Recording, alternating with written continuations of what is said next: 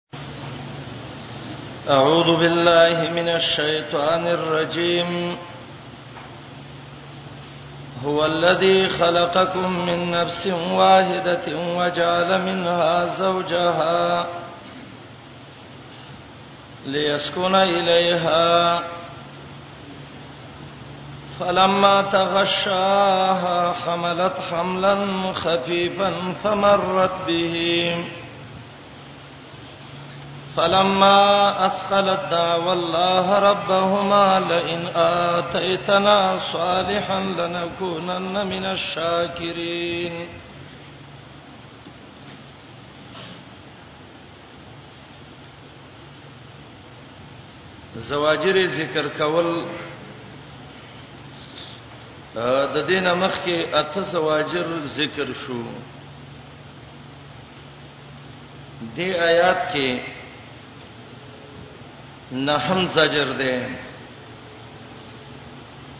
او دا زجر خزه او خاون ته دی هغه خزه او خاون چې واده شوی او بچی نه شوی د آیات کې هغه ته زور نه ده الله وی رب هغه ذات دی چې د یو جنس نه پیدا کړی وای به بیبي ګرځولې ده د دې جنس نه چې دا غي سکون حاصل کی دمو سو کی کله چې دا خاون پټه کې د زنانه لره په جما باندې نو حمل والی سپک حمل تلل راتلل کوي د اغه سا هر کله چې درانه شي نو دا دواړه د الله نه دعا کوي چې الله کومنګ له نیک نر بچی راک الله ستا شکر به ادا کو کله چې الله رب العالمین ولا نیک بچي نر بچي ورکی نو دای به د الله سره شریک ګرځي ا دې آیات کې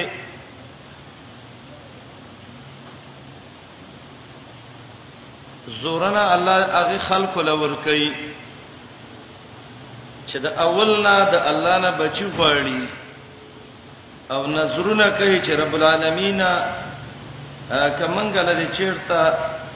الک راک الله ستا شکر بادا کو دی بچي به دیندار کو کله چې الله ول بچي ورکی به الله سره شرک کوي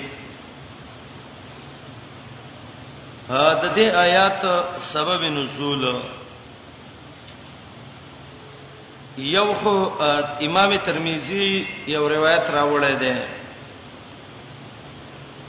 چې د آیات د آدم علی السلام او د حوا به سلګي د دې بچی به کېدل او مړ کېدل به شیطان و تراغه چې کله د حوا به حمل شو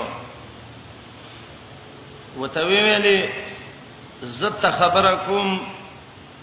او کزما خبره دی ونه منله نو د د حمل د ماشوم چې دی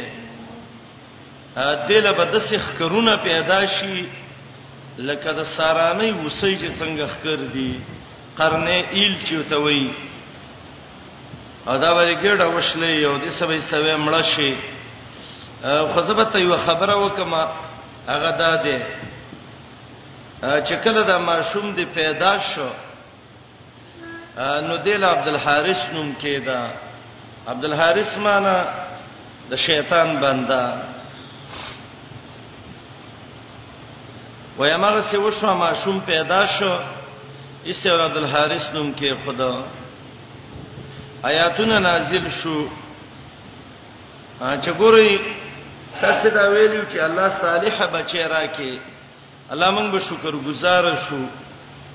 نو اے ادم او حوا وستا سرالې او د شیطان بندم خپل بچی وګرځاو نو آیاتونو کې وې ادم علی السلام او حوا به له زورنا الله ور کوي دا روایت امام ترمذی راوړی دی امام ابن کثیر په دې روایت ډیر سخت رد کړی دی ځکه دې کې نسبت د شرک د ادم او حوا ته او ادم علی السلام شرک نه کوي دویم دا روایت چې ده د کې راوی دی عمر ابن ابراهیم امام ابو حاتم الرازی وی چې عمر ابن ابراهيم چې ده دا ضعیف ده بل دا روایت موقوفا د سمورانه نقل ده مرفوع نه ده یا د دې روایت راوی ده حسن بصري او حسن بصري وای چې په دې آیاتونو کې اولاد د ادم او د حوا مراد دي ادم او حوا خپل نه دي مراد امام قرطبي او امام رازي وایي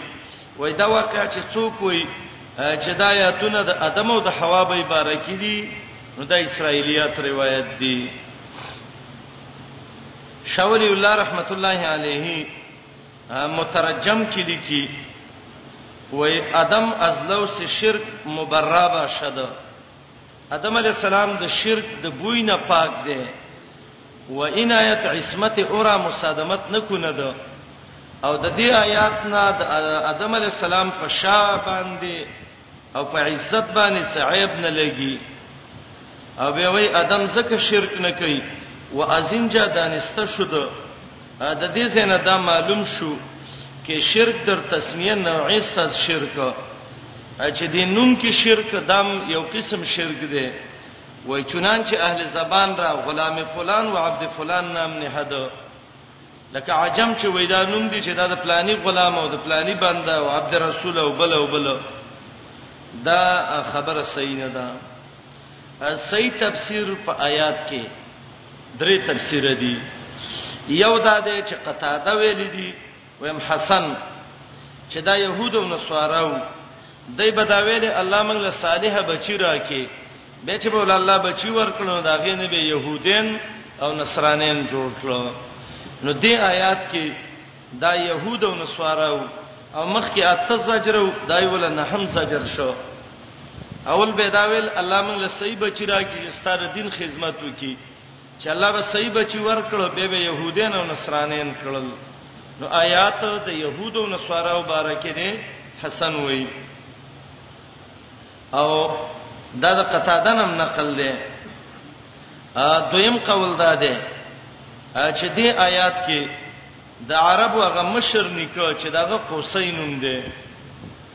چې عربان ټول د قصینا راخواره شوی دي نو الله وی چې رب هغه ذات دی چې د یو نه پسنه پیدا کړی وی چې د قصینا او د قصي خزه او سره د جنس نه ګرځولې ده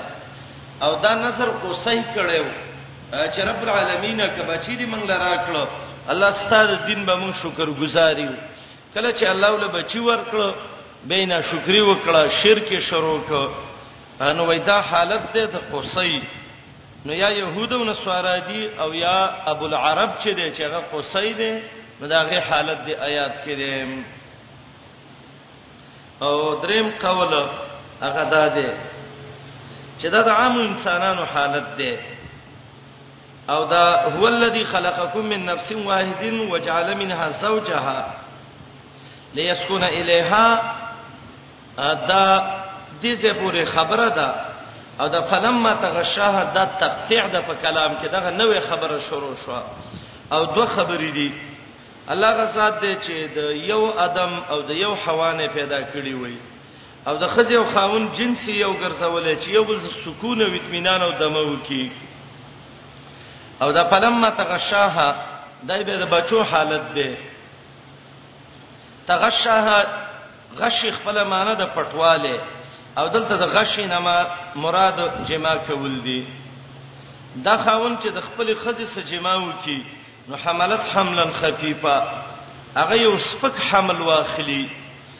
فمرت به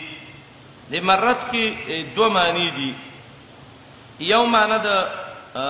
مرت په معنی د استمرت څه ده او معنی دا د استمرت به اله حال الثقل دا ما شوم یی دغه سي تر دې چې د بدن درون شي دا معنی مجاهد کړي دا او فمرت به کې دا معنی کوي حمل سپکی دا زنانه تګ را تګ د دې سکه یا مرت د میرانه دی میرا شک ته وای عبد الله ابن عباس رضی الله عنه وای د جمانو رستا د دې دا زنانه شکو کی چې آیا زما حمل به یو کنه به فمرت به شکو کی په دې حمل باندې سوخت شي فلما اسقلت بدني درون شي دا پوه شي چې او حمل دی دعو الله ربهما به خاوند او خزه د الله نه سوال کوي چې الله کې موږ ته روغ بچی راکې صالح کې دوه معنی دي نر او صالح دا معنی چې روغ اندامون ولای الله موږ به شکر گزار شو چې کله ول الله بچی ورکی به الله له شریکان ګرځي پاغه کې نوای هو الذی الله غسات خلقکم چې پیدا کړی وي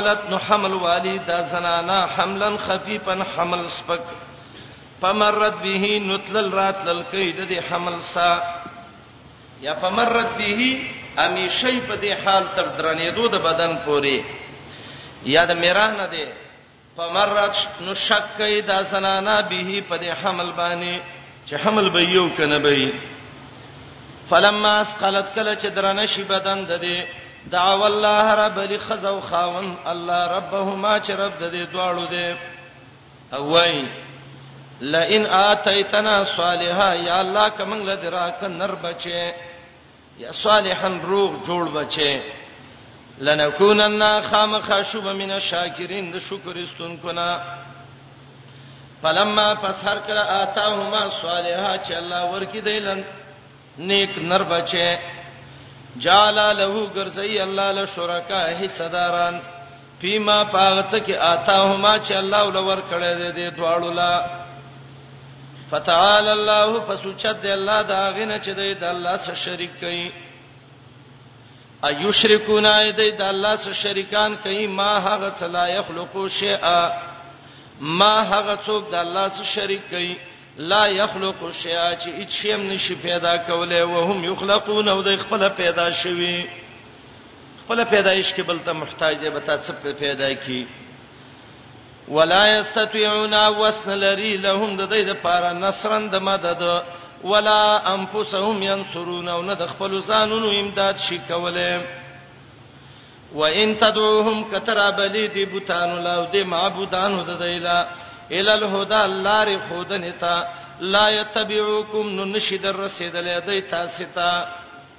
که ته ورته ووایې چې ما ته لار وښیوه، مدد مې وکړه، لا یتبعوکم یو معنی دا چې تاسې ته نه شي در رسېدلی چې مشکل دې حل کړي،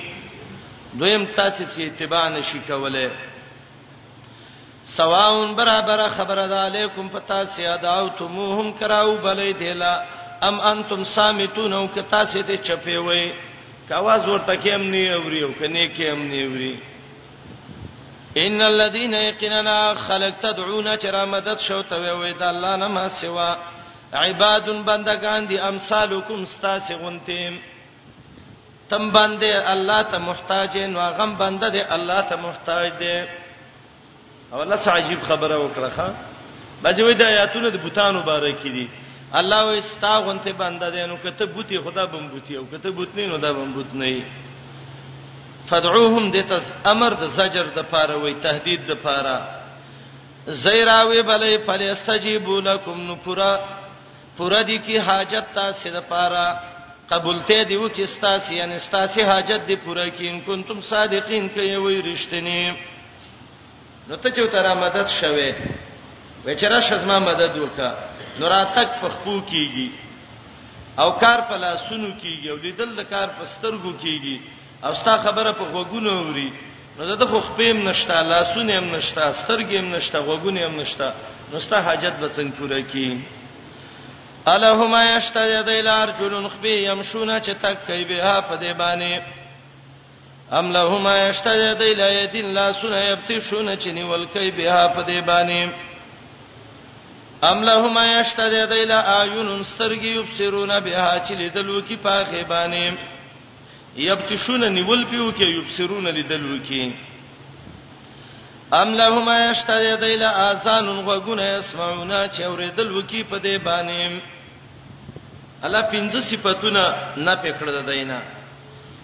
الله وای مشي نشي کوله بتش نشي کوله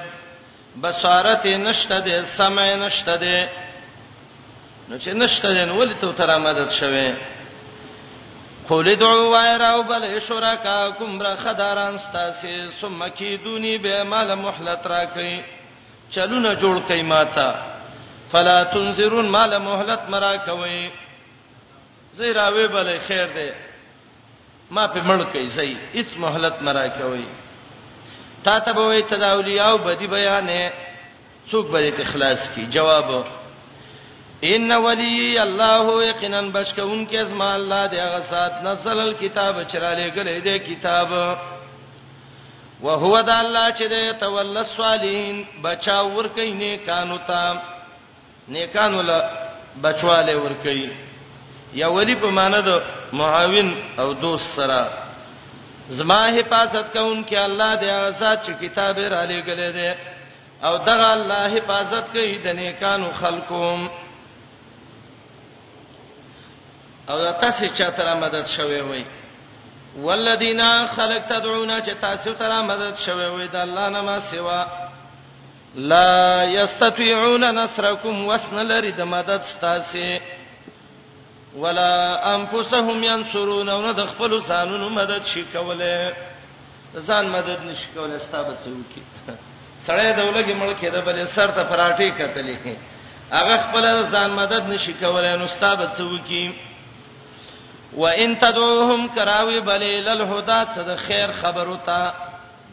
څه خیر خودلو ته را بلی یا هدایت طرف ته را بلی لا يسمعوا استاس आवाज نشي اوریدلې وای مړی اوري قران وای نشي اوریدلې وتراهم استاب پدا عقیده ينظرون الیک چتا ته ګوري خو هم لا يبصرون دی لیدل نشي کولای دا بوتان دی بټه بټه سترګو باندې به تګوري ته به چې دا ماینه خو هیڅ هم نشي کوله خوزل افوا وامر بالعرف واردان الجاهلین سلور پنځه تقریبا ا ساعت اوامر ذکر کړي یو امر ده د خوزل افوا خوې وګر سوا ما پی کوله د دې خذ معنی د ونیسا معنی دا معافي ونیسا یعنی دا معافي کول ځان له عادت وګرځوام آیات کې اشاره ده مکارم الاخلاق خيستا اخلاق د نبی رسول الله اے محمد رسول الله خلق ته معافي کول دا ځان له عادت جوړ کا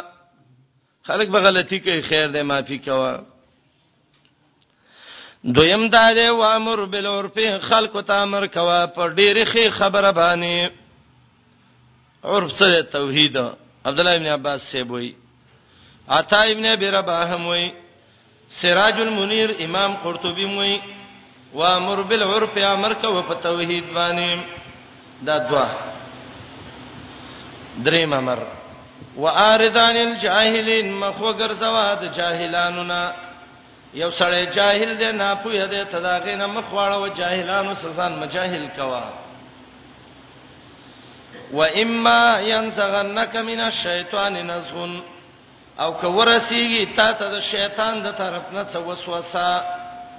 شیطان د ته وسوسه واچي دا څلورم امر ده پس تعذ بالله فالله سپنا وغواړه شیطان وسوسه ته ورسید اعوذ بالله ویوا قران لولي اعوذ بالله ویوا انه سميع عليم یقینا د الله ډیر اوریدونکو دی ډیر پوهه دی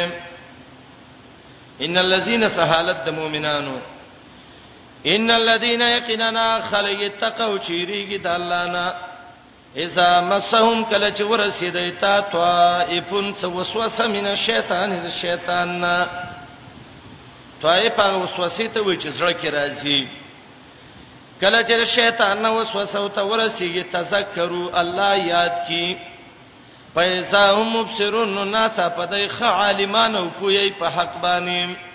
او دا علاج دی ښا شیطان د توسوسه ور سولا اعوذ بالله من الشیطان الرجیم ویوا الله یاد کا حدیث کې دی شیطان بتوي ته الله پیدا کړې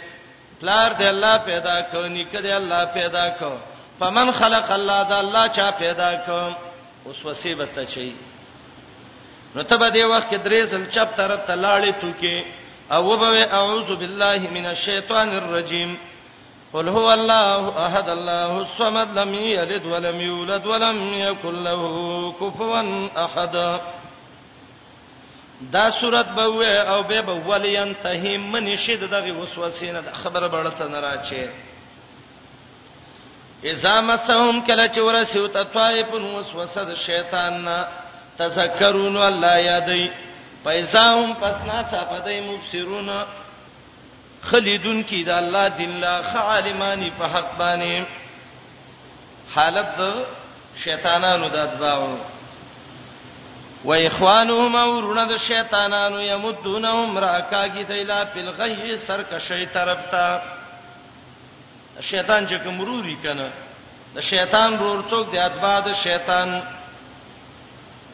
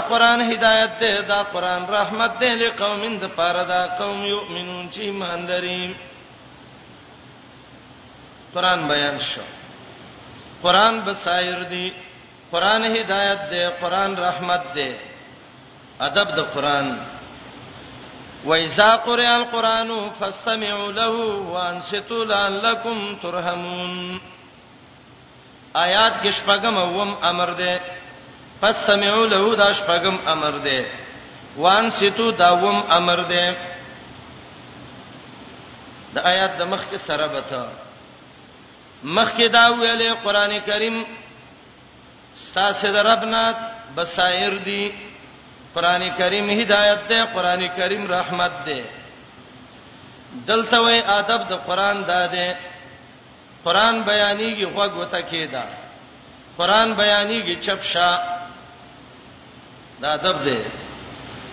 یا درې صفاتونه د قران مخ کې آیات کې وشو بصائر دی یو هدایت دی دوا رحمت دی درې سلورمې دی آیات کې ذکر کړي که رحمتونه د الله غواړي نو قران ته وښه او قران ته چپ شد قران وخت کې وایذا قرئ القرآن کله چې لسته کیږي قران کریم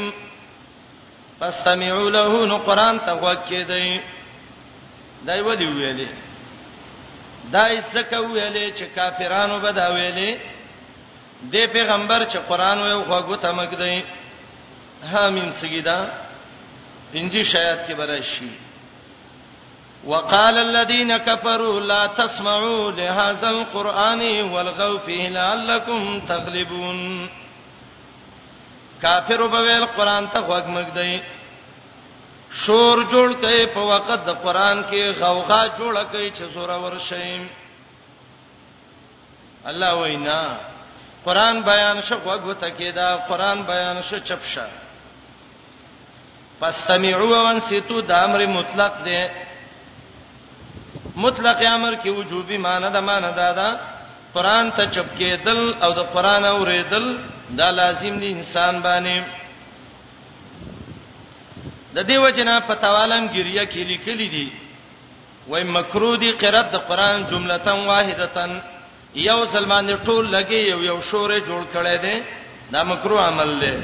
لکه دا ختمین چې کوي بیان القرآن کې لیکل دي یو زبان قرآن لوستل دا صحیح نه دی ولې نه دی هر سړی لګي شور کوي نو دا د ادب د قرآن سره مخالف دی پیرانو ادب د قرآن کړو سورته احقاف وګورئ دې پیرانو د قران کریم ادب کړو ادب د قران داو قران واورې دی یو بل ته وای چپ شي چپ شي د خیر کتاب موریدل ناشنا د برکت کتاب دی ښا الله له هدایتم داغه د وجنه نصیب کوم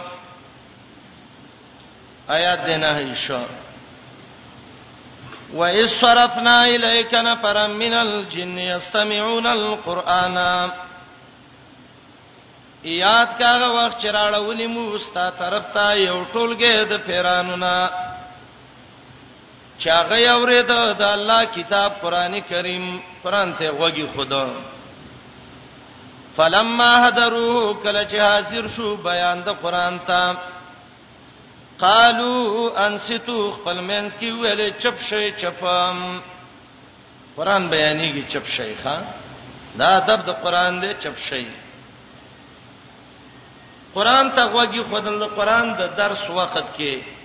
د قران د تلاوت په وخت کې قران ته چپ کېدل دا ادب د قران دی اصول القرآن کې مونږ ویلو یو ادب د قرآن دا دی چې کله قرآن بیانېږي نو د قرآن د درس په وخت کې شور نه دی پکار دا آیات وایذا قرئ القرآن فاستمعوا له د دې آیات سبب نزول څه دی دا آیات د څه باره کې نازل شوه دی د علماو د باره کې مختلف اقوال دي امام رازی را جمع کړی دی خپل تفسیر کې امام رازی وایي دا آیات په خپل عموم باندې جاری دی هر وخت کې چې انسان قرات د قران کوي نو په هر چا باندې دا غي اوریدل دا واجب دي کاغه مونږ کې او کاغه خطبه کې او کدرس د قرآني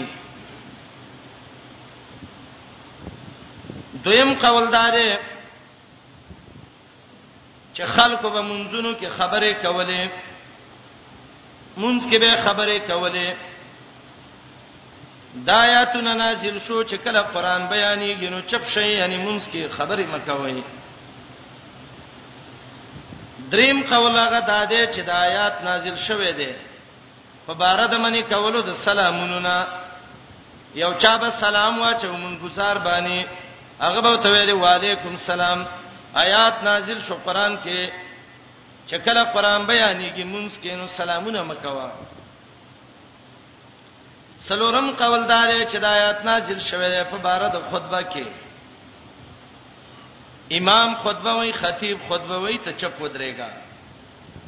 تر دې که چاته دی ویلې چې پلاني خبرې مکوا نو تم غلط شوې پنځم قول دا دی چې د آیات نازل شوه په بار د قرات خلف الامام کې امام قرات کوي نو ته قرات مکوا دی وخت کې دا قولونه ټول امام ابن کثیر او امام قرطبي ذکر کړی دي ابن کثیر ذکر کړی دی امام قرطبی دی ټولو دا روایت راوړی دی بعض علما وایي چې دا آیات بارک امام احمد سیب ویل دي چې دا آیات د مونږ بارک دی اجماع نقل کړی دا خدا اجماع به سند ده امام بهقی یو کتاب باندې حوالن د ور کړی بل دا دی چې اجماع نشته ابن کثیر نور اقوالم دلته ډیر راجمع کړی دي دی آیات باندې بعض خلک دلیل د دې ذکر کوي چې کله امام منځ کې ولاړی سورته فاتحه وای نو ته به فاتحه نه وای ولی وای قران کې دي چې قران بیانېږي نو وګ شی او دیتا لګوګ ونی سي دا استدلال په دې باندې صحیح نه دی اوله وجه دا ده چې د آیات مقصد دا دی چې امام پسې ولاړی نو چت आवाज باندې امام پسې قرات مکوا استماع، ځان څه ویل دا د استماع او د انصات سره منافي نه دي. او د دې دلیل دا دی صاحب د هدايه وایي په باب د خطبه کې چې کله خطیب د آیات ولولي ایه الذین آمنو صلوا علیه وسلموا تسلیما نو اوریدون کې د پټ ځان سره اللهم صل علی محمد و علی ال محمد وی به کفایه والا په بر اعتراض کړی دی چې خطیب کله قرات خطبه کوي نو به خو به قرات نه کېته نو ته څنګه دی وی چې اللهم صل علی محمد نو هغه وی دا په جبه باندې ویل د ځان سره دا د استماع او د انصات څخه منافات نه لري نو دلته امام لګیره قرات کوي فاتحه وی نو تیم د ځان سوی و دا د استماع او د انصاف سره وان سیتو سس منافی نه ده دویمه دا د امام قرات کوي امام ترمذی دا روایت ذکر کړی دی امام بخاریم جزء القرات کې راوړی دی امام سکته کوي نو ته قرات وکا امام وی الحمدلله رب العالمین نو ته مو الحمدلله رب العالمین امام وی الرحمن الرحیم مالک یوم الدین غلی شو نو ته به وی الرحمن الرحیم مالک یوم الدین سکتو کی وایا امام بخاری جزء القرات کې دا راوړل امام ترمذی وی دا مذهب دی د حدیثو چې امام سکته کوي نو ته قرات ویوا بل وجه دا ده چې د آیات اگر چې سورته فاتحه ته شامل دی عام دی لیکن احادیثو کې د دینه تخصیص د فاتحه راغلی دی لا صلاه لمن لم يقرأ بفاتحه الكتاب لا تجزئ صلاه نبی علیہ السلام وی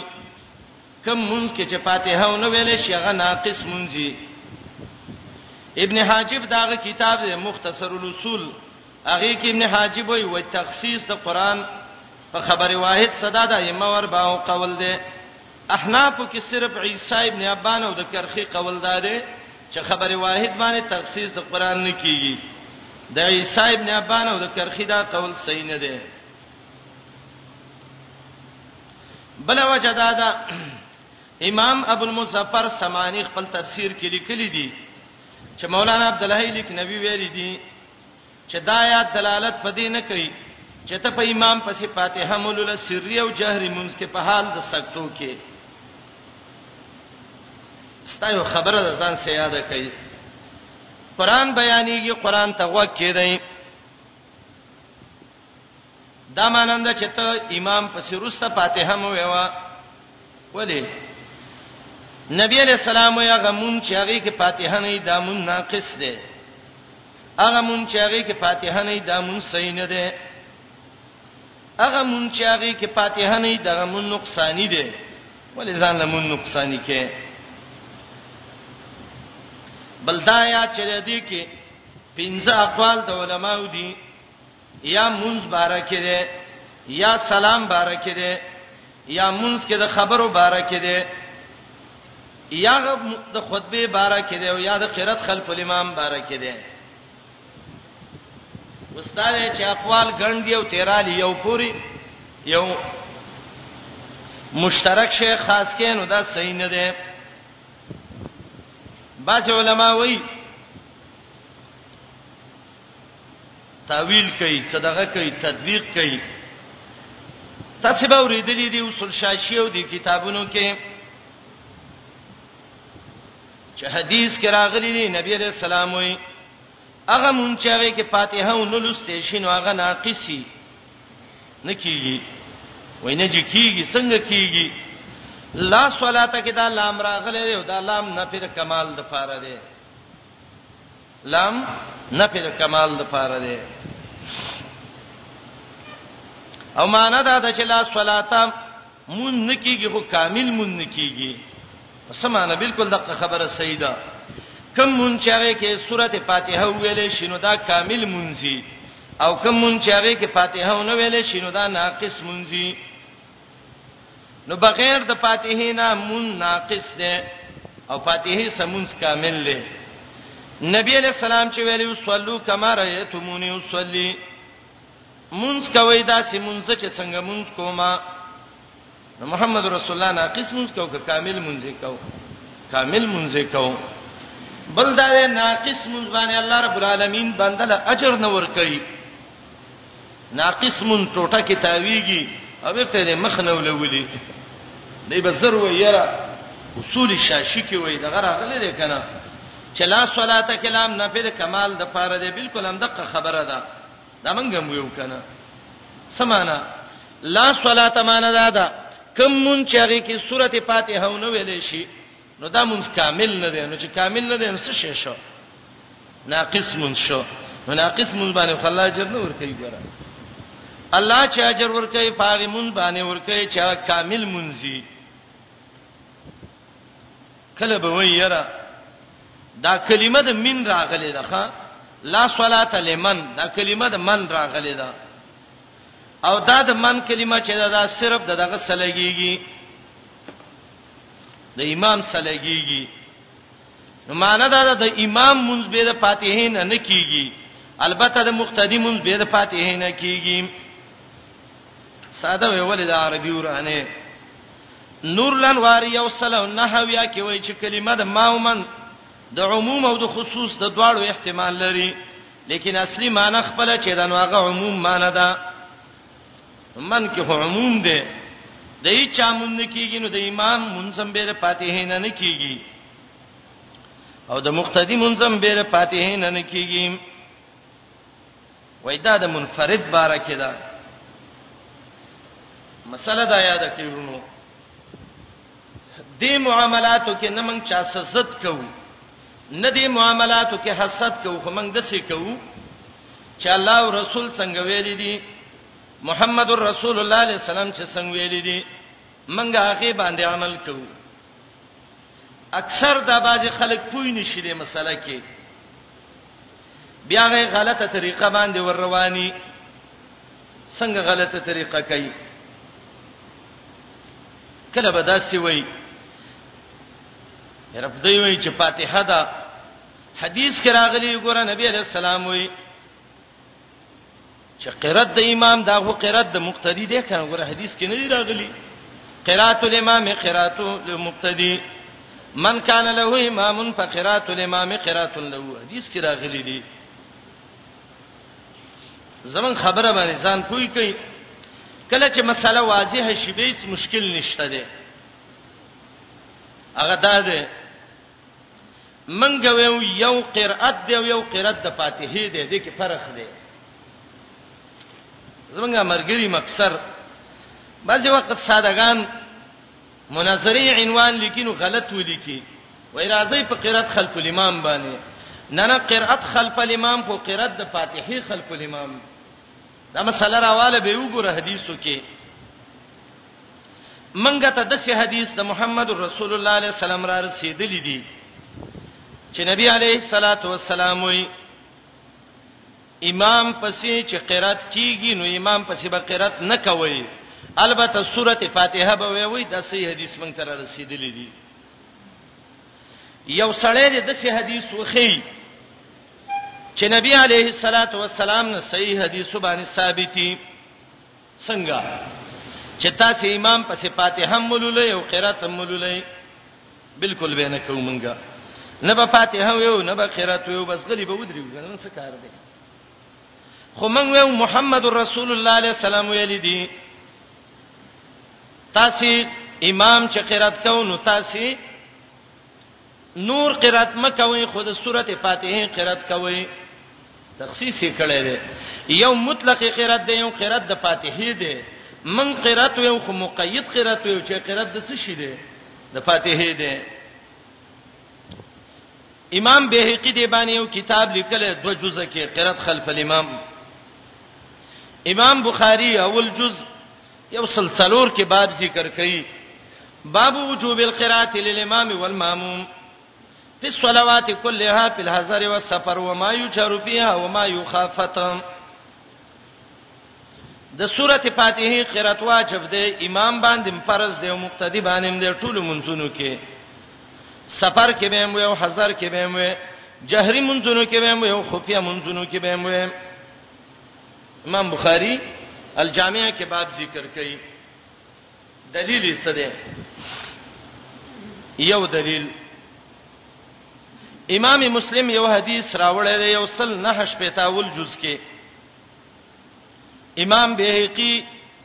دویم جز اته دیرش کې دا روایت راوړی دی عباده ابن صامت رضی الله عنه وی ان رسول الله صلی الله علیه وسلم قال محمد رسول الله ویلی لا صلات لمن لم يقرأ بفاتحه الكتاب دا هغه چا مونږ بالکل نکیږي چې سورته فاتحه ونلولیم دا یو مولا فتوا نه ده دا فتوا د محمد رسول الله علیه السلام دا چې به د فاتحه نه مونږ نکیږي لا صلات لمن لم يقرأ بفاتحه الكتاب دای نه دی ویلي چې د مقتدی کیږي او د امام نه کیږي او د ځان لمونځ کوونکی کی نه کیږي او د شریک مونږ کوونکی کیږي سلب کلی کله لا صلات بالکل مونږ نه کیږي دویم روایت امام احمد راوړی دی په خپل سند باندې مستر احمد کې پنځم جز 322 کې امام احمد وایي عن ابن اسحاق حدثني مكحول عن محمود ابن ربيع الانصاري عن عباده ابن الصامت رضي الله عنه دا روایت بالکل صحیح دی په دې کې چې نور قرات باندې کې خو یو فاتحه به وي حدیث د عباده دی عباده رضی الله عنه وی صلی بنا رسول الله صلی الله علیه وسلم صبح فقرأ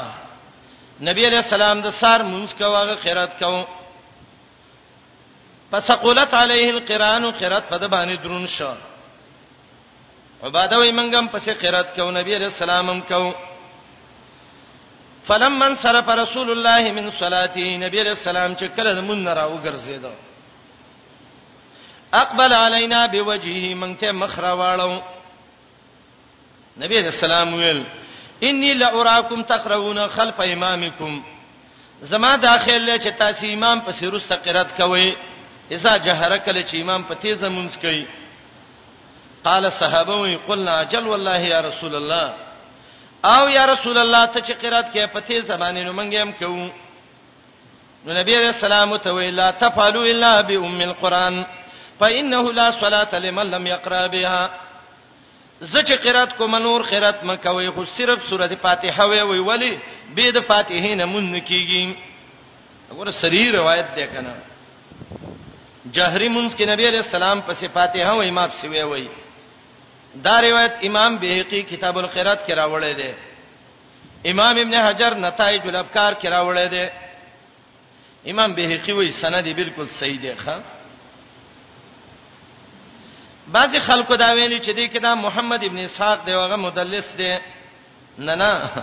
مدلس نه دی مدلس بالوي چې د تصریح په تحدیث نه وکړي او محمد ابن اسحاق وایي حدثني مکحول تهذیب التهذیب کې دي چې کله د مدلس تصریح به تحدیث راشي به روایت صحیح کیږي دا روایت دی صحیح روایت دی امام پتی زمانه مونږ کوي نو ته نور قرات مکه و صرف سوره فاتحه ولولا دریم روایت امام بیهقی راوړی کتاب القرات کې د زهری نه نقل کوي هغه د محمود ابن ربیع نه نقل کوي د عباده ابن صامت رضی الله عنه روایت ده عباده وی قال قال رسول الله صلی الله علیه وسلم لا صلاه لمن لم يقرا بفاتحه الكتاب خلف الامام صحیح تفسیر روایت ده کنه داغه چا مونږ نه کیږي چې هغه امام پسې روسته سورته فاتحه نه وایي بالکل سند صحیح ده حنفی عالم شانور شاه کشمیری داغه کتاب ده فصل الختام یو سلوت اولیخ کې وی روایت سند بالکل صحیح ده څوره تصریح ده امام پسې روسته فاتحه ونه ویلې مونږ یې نکېږي سلورم روایت امام بخاری جزء القرات کې راوړی دی 55 کې بهقي کتاب القرات ته 55 کې راوړی دی حسمی مجموع الزوائد کې راوړی دی امام طبرانی دا روایت راوړی دی ابو یعلا ابن حبان دې ټولو دا روایت راوړی دی دا انس رضی الله عنه روایت ده انس وای نبی علیہ السلام یو ځل صلی بیا صحابه مرګرو له منځ وکړه فلما قضا صلاته منذ پورا ک اقبل علیهم بوجهه راو ګرځیدا صحابه ته ویلې اتقرؤون فی صلاتکم والامام یقرأ امام چې قرات کوي نو تاسو قرات کوئ فسکتو صحابه چپ شو فقالها ثلاث مرات اندریز نبی علیہ السلام ویلې یو صحابي ویلې او ان لنا فل دا کار کوو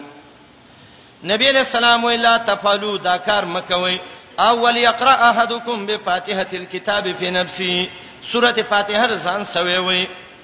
امام هیثمی وي رجال د سند بالکل صحیح دي دا تصریح ده په دې باندې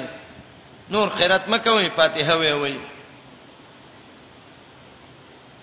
پنځم روایت امام مسلم اول جز یو سلویا کې راوړی دی ابو هريره څخه روایت دی نبی علیہ السلام و ایمان صلی صلاتا لم یقرا فیها بام القران چا چې منځو کو سورته فاتحه کې ونل الصلا فهي خداج خداج خداج غیر تمام ناقص منځه وک ناقص منځه وک ناقص منځه وک د حدیث ابو هريره بیانوو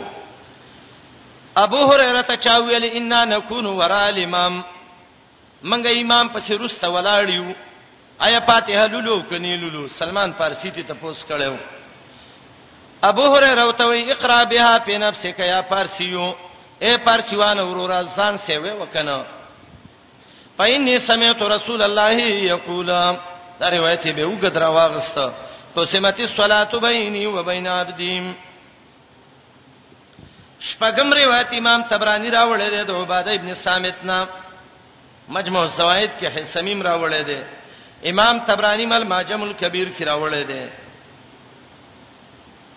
نبی علیہ السلام وی من قرأ خلف الامام فليقرأ بفاتحه الكتاب کڅوک امام پسې رسته قرات کین نو سوره فاتحه دې پسې ولولیم صحیح روایت ده کنه وم روایت د ابو هريره رضی الله عنه ده ابو هريره وی نبی علیہ السلام ویلی لا تجزئ صلاه لا يقرأ فيها بفاتحه الكتاب هغه مون صحیح نه دی چې هغه کې سورته فاتحه ونه ویلې شي وای ما ته ویل یا رسول الله فإن كنت خلف الامام ک امام پسې روسته ولاړې منوي ویم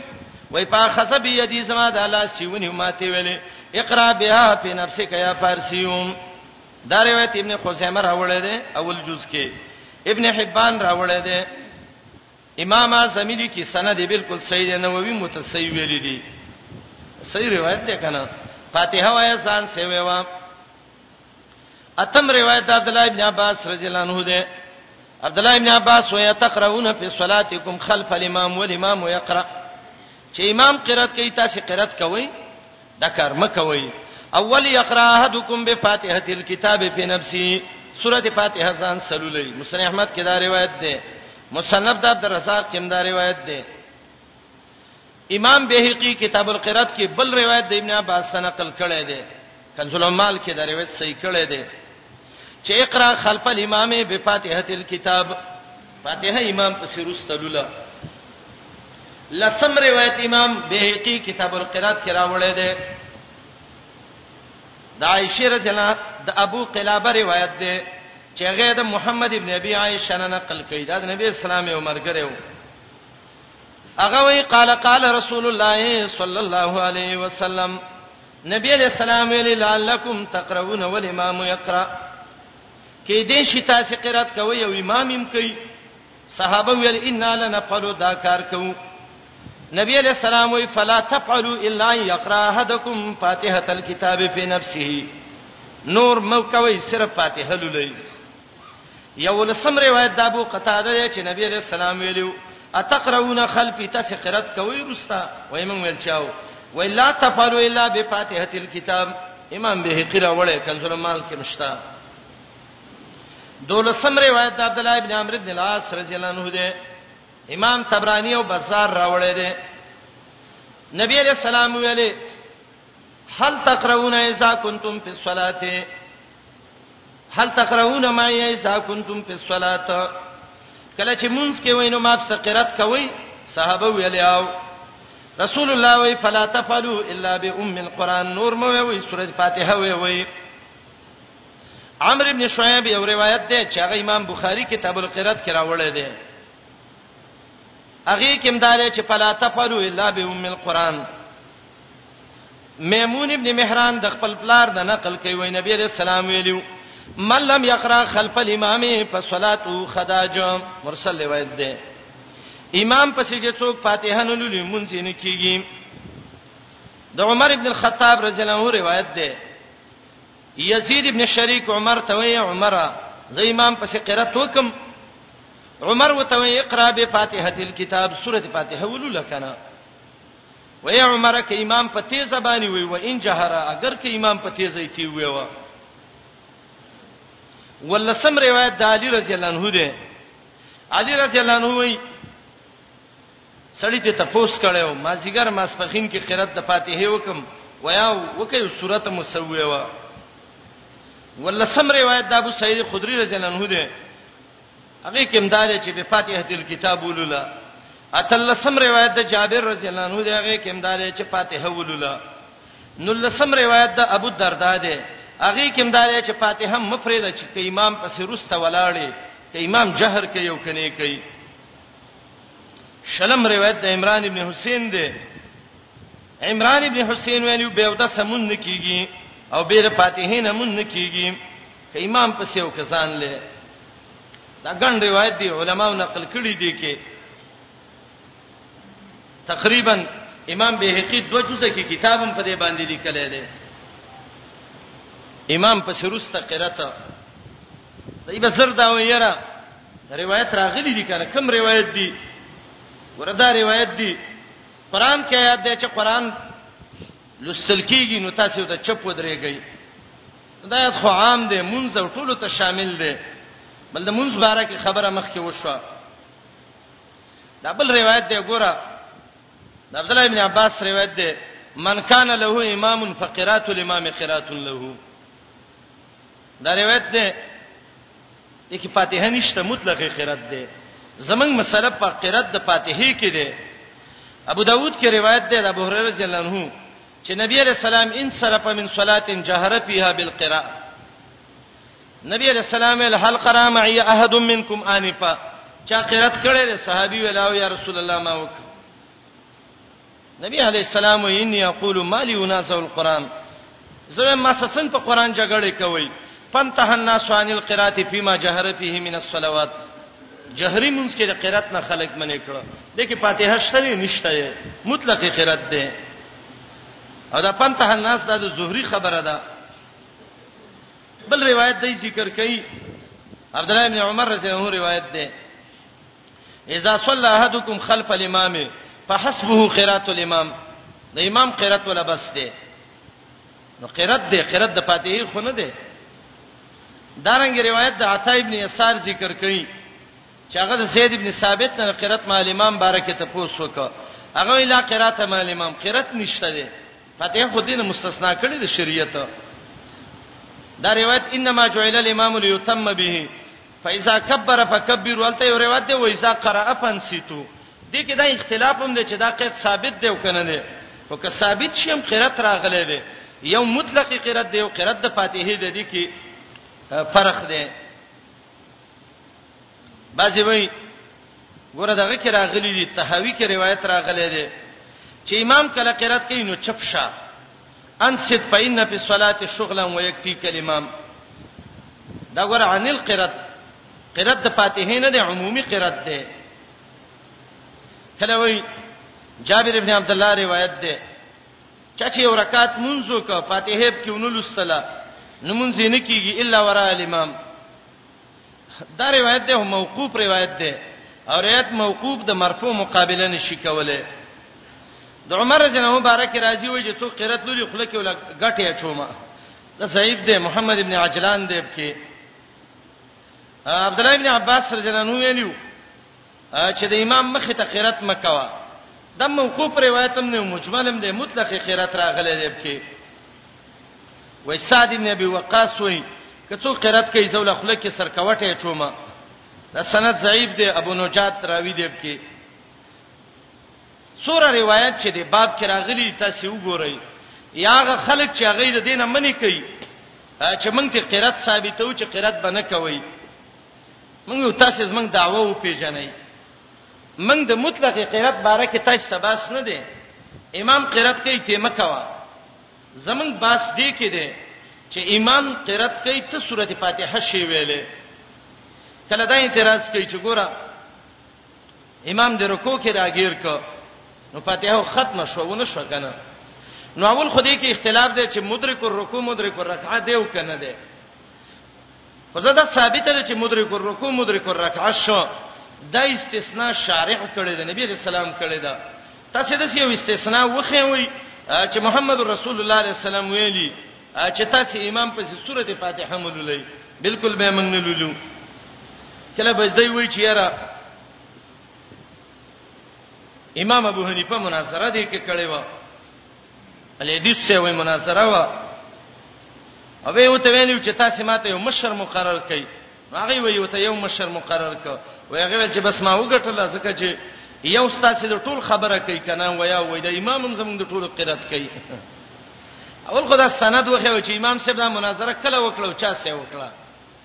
دروغ خبرې کې دروغ جنا او دویم دا چې دا څنګه امام دی چې امام سبحانك اللهم وي مقتدی به موي امام الله اکبر وي مقتدی به موي امام سبحان ربی العظیم وی مقتدی به موي امام ربنا لك الحمد وی مقتدی به موي هغه به تحیات وی دا به موي دا څنګه وکیل لچ یو سورته فاتحه کې دغه کده وکیل کو په نور کې به وکالت ختم کو منګو منځونه هغه طریقه باندې کول غواړي چې کومه طریقه باندې شریعت ویلي رسول الله صلی الله علیه وسلم وی امام چې کله قرات کوي ته قرات مکه چپ ودرېګا او سورته فاتحه ولولا به د فاتحې نه مونږ نه کیږي لکه څنګه چې به او د سمون نه کیږي نو به د فاتحې نه مونږ نه کیږي نه به سر وې یاره درغلي دي من کان له امام فقرات الامام قرات سید د امام قرات د مسو الفاتحه ده و اذا قرأ پنسیتو قرات وکي زبیل کول د فاتحې نه ما سوا ده فاتحه خو نبی رسول الله نور قرات مکه وي صرف فاتحه ولولئ ته د سیوې و چې نبی علیہ السلام ویلي چې نور قرات مکه وي او فاتحه مکه وي سیدا موږ به بالکل منو و اذا قرئ القرآن آیات کې ادب د قران هم دی او کله چې لوستل کېږي قران فسمعوا له غوغوته کې دی وان ستو چپ شي لعلکم د دې لپاره ترحمون چې تاسو باندې رحم وشي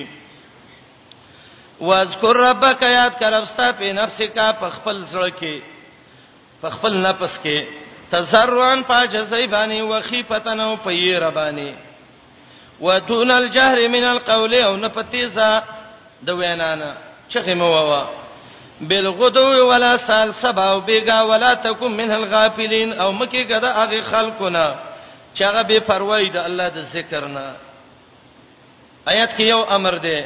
الله یاد کا او الله چې یادینو داغي دو ثبوتی شرطونه دي او دو سلبي دي یو شرط یې دا دی چې عاجزی باندې الله یاد وا دویم شرط دا دی په یې ربانه د الله نه یریږي تسرع او خیفه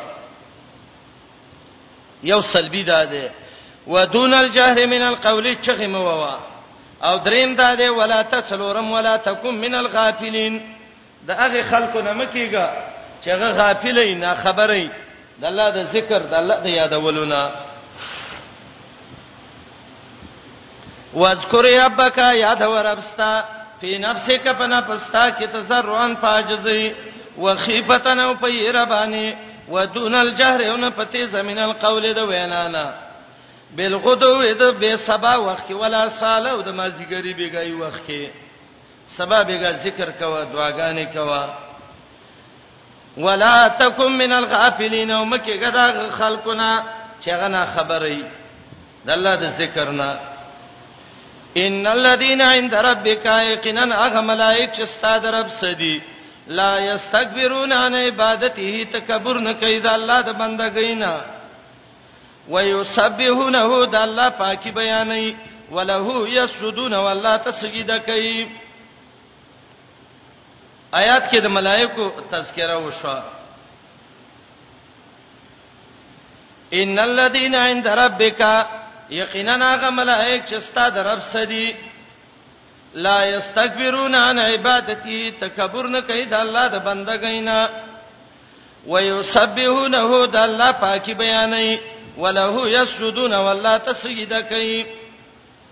آیات کې د ملائکو صفاتونه یو عند ربک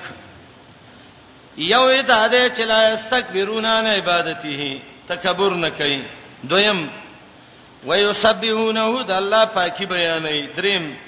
وله یسجدون والله تسجد کوي دې آیات کې د سجده تلاوت ده ان شاء الله سورته حج کې د دې پوره تفصیل به زکوما سنت طریقه ده دا چې سجده تلاوت د باندې واوخته د الله سجده وکا د سجده ته پاتېدل ضروری نه دي پناستم شي کوله باقی دا چې دې کې به تکبیرونه وې او کنه به وې چې خطه کېږي الله اکبر به وې پورته کېږي الله اکبر به وې کنه به وې عبد الله بن مسعود رضی الله عنه یو اثر پکې دی چې هغه به سجدي له تم الله اکبر به ویو او چې فاسیدم الله اکبر به ویو دغه کې باج علماء څخه کلام هم ذکر کړی دی لیکن عمومي حدیث چې نبی رسول الله یکبر عند کل خبز و رفع کته چې به تمونس کې الله اکبر به ویو چې چته دم الله اکبر به ویو ځان لمونځ کې کوي وي او کوي نه وي امامتۍ کې وي و دغه عمومي روایتونه به دغه شي او که چاو نه ویني مونږ سید ان شاء الله دونه ضروري کې نه ده دوام پکې شي کوله سجده کې سجده وجهي للذي فطره شق سمعه وشق بصره نور دعاګانې شي کوله کې او دا سجدي څونه دي قران کې روان دي ان شاء الله سورته حج کې به دا زو یما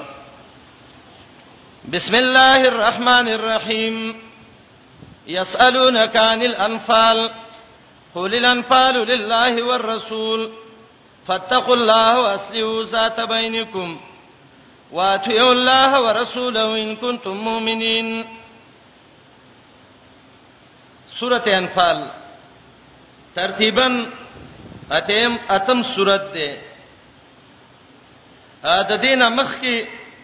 و سوراتونه ختم شو فاتحه بقره ال عمران نساء مائده انعام اعراف دا تم سورات ده الانفال او نزولن اتاتهم سورات ده د بقره نه رسته نازل ده دې سورات ته سورۃ الانفال موي او د دې سورته دویم نوم دی سورته البدر دته سورته بدر هم وایي انفال وتوي بدر وتوي انفال وتوي زکه د مال نه پل د غنیمت ذکر دی په کې بدر وتوي زکه د بدر واقعیا در کې د سورته د مخ کې سره بته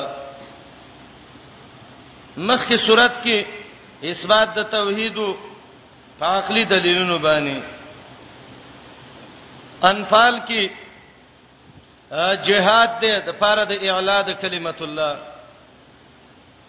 تور راواله ټوپک راواله د الله دشمنان مړکا چې د توحید په خوان پوه شي یا مخ کی صورت کې تشجیع په تبلیغ وا پنرتوب د الله دین ته دعوت وکړه انفال کې تشریع فی الجهاد دا په نرتوب جهاد وکا یا مخ کې آداب نبی علیہ السلام ته انفال کې صفات د مؤمنانو دي یا مخ کې دعوت د انبیاو انفال کې جهاد د انبیاو دی د محمد رسول الله جهاد د انفال دعوه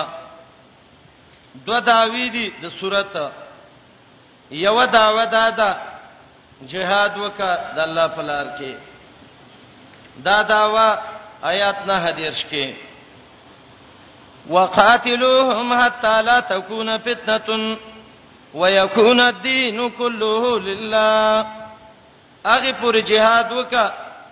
چې ټوله دنیا کې د الله قانون راشي او دویمه داوه د صورت ده الانفال لله والرسول غنیمت به د الله او د رسول په قانون تقسیمه اول آیات کې دا دعوه ده قل قل الانفال لله والرسول او دا دعوه یو څول ختم آیات کې ده والمو انما غنیمتم من شین د سورۃ خلاصہ انفال دوه حصے ده اړومبنې حصہ څول ختم آیات پورې ده او دې حصہ کې دوه بابونه دي اولنې باب نل سوایات پورې ده د کې د صورت اولنې داوا هغه داوا چې الانفال لله بشارت مؤمنانو ته بالصفات الخمسه علل السته ذکر کړي شپږ علتونه دا دې داوی چې غنیمت بد الله په قانون تقسیمېږي مجاهدینو ته یو جامع قانون ذکر کړي پنځلسم آیات کې یا ایه الذین آمنو اذا لقیتم الذین کفروا زحفا د سورۃ امتیازات انفال کې دیار لس علتونه دي د دې د پاره چې غنیمت به د الله او د رسول په قانون تقسیمیږي یو دیارلس قوانین د جهاد او د مجاهدینو دي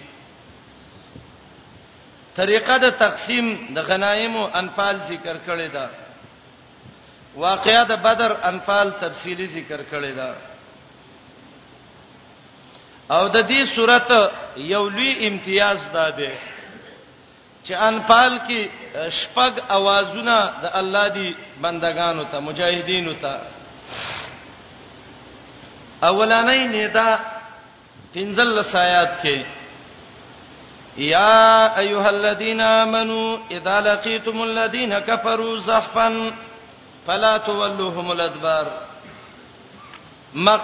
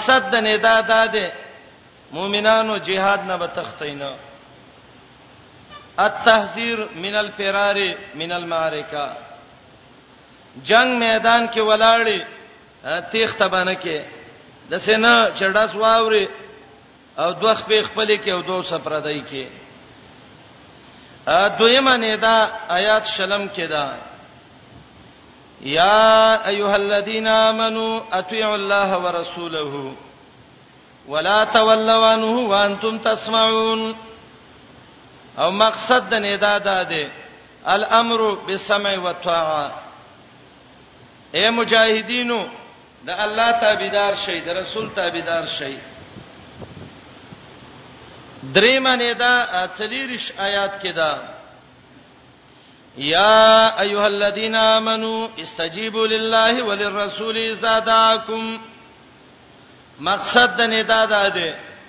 د پیغمبر تابعداري سبب د سعادت او د نیکبختۍ دی ا څلورمه ندا آیات وښتم کې دا یا ایها الذین آمنو لا تخونوا الله والرسول مقصد د ندا دا دی ایماندارو راز وساتئ مجاهدینو